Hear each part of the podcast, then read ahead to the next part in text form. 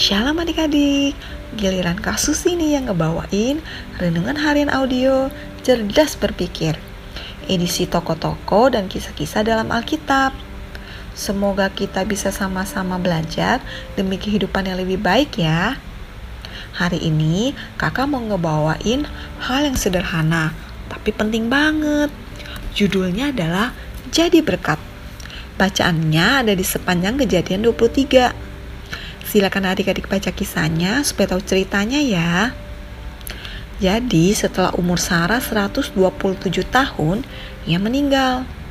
Abraham pun pergi kepada Bani Het untuk membeli suatu tempat untuk menguburkan Sarah istrinya. Sebagai informasi nih ya, di mata orang-orang Bani Het, Abraham tuh udah dianggap kayak raja agung bagi mereka. Jadi gak sulit lah untuk mendapatkan tempat supaya Sarah bisa dikuburkan. Dan memang gak sulit. Orang-orang Bani Het dengan sukarela mengabulkannya. Bahkan pas Abraham minta supaya istrinya dikuburkan di gua Makpela kepunyaan Efron bin Zohar, Efron malah kasih gratis beserta ladang di sekitarnya. Padahal Abraham mau membayarnya dengan harga pantas. Eh, tunggu deh dapat gua mapela sekaligus ladang secara gratis. Diberikan secara sukarela pula. Wah, ini mah enak banget ya. Kesempatan emas nih. Mumpung ditawarin kan. Tapi Abraham lebih memilih untuk membayar dengan harga pantas. Kalau mau dipikirkan, kemungkinan alasannya adalah bisa jadi karena Abraham tetap merasa bahwa ia adalah orang asing dan sama sekali nggak bisa seenaknya menguasai ladang walaupun dia dianggap raja agung. Atau kemungkinan yang lain, bisa jadi Abraham gak mau kalau ia sampai merasa punya hutang budi sama orang lain. Tentu kalian masih ingat kan kisah Abraham menyelamatkan Lot dari Raja Kedorlamer kan? Tapi ada satu kemungkinan alasan yang menurut Kasusi bagus banget nih. Kemungkinan alasannya adalah Abraham gak mau manfaatin orang lain hanya demi keuntungan diri sendiri, tanpa memikirkan orang lain. Kakak ulang ya, Abraham gak mau manfaatin orang lain hanya demi keuntungan diri sendiri, tanpa memikirkan orang lain.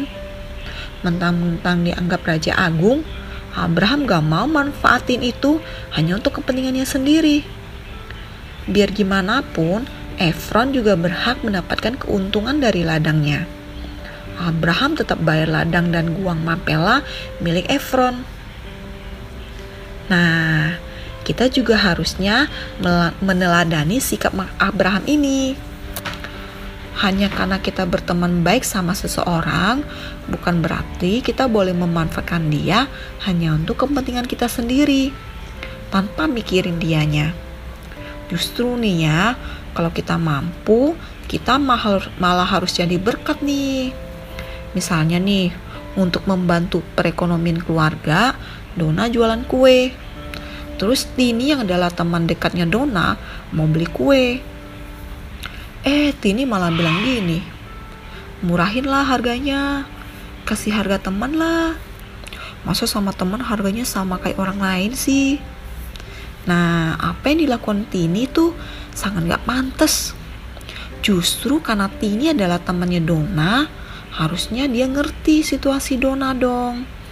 Kalau Tini mampu, justru harusnya beli kue jualan Dona dengan sedikit bayar lebih Ya kalau mampu, tapi paling enggak bayar aja sesuai harganya.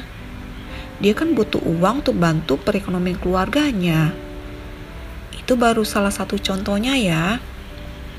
Intinya sih ya, kita nggak pantas memanfaatkan orang lain hanya keuntungan kita sendiri, tapi nggak mikirin orang lain.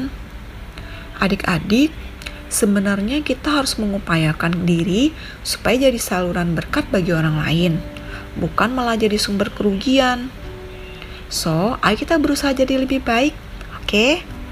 Yuk kita berdoa. Bapak, terima kasih karena hari ini kami kembali belajar dari tokoh Alkitab yang bernama Abraham.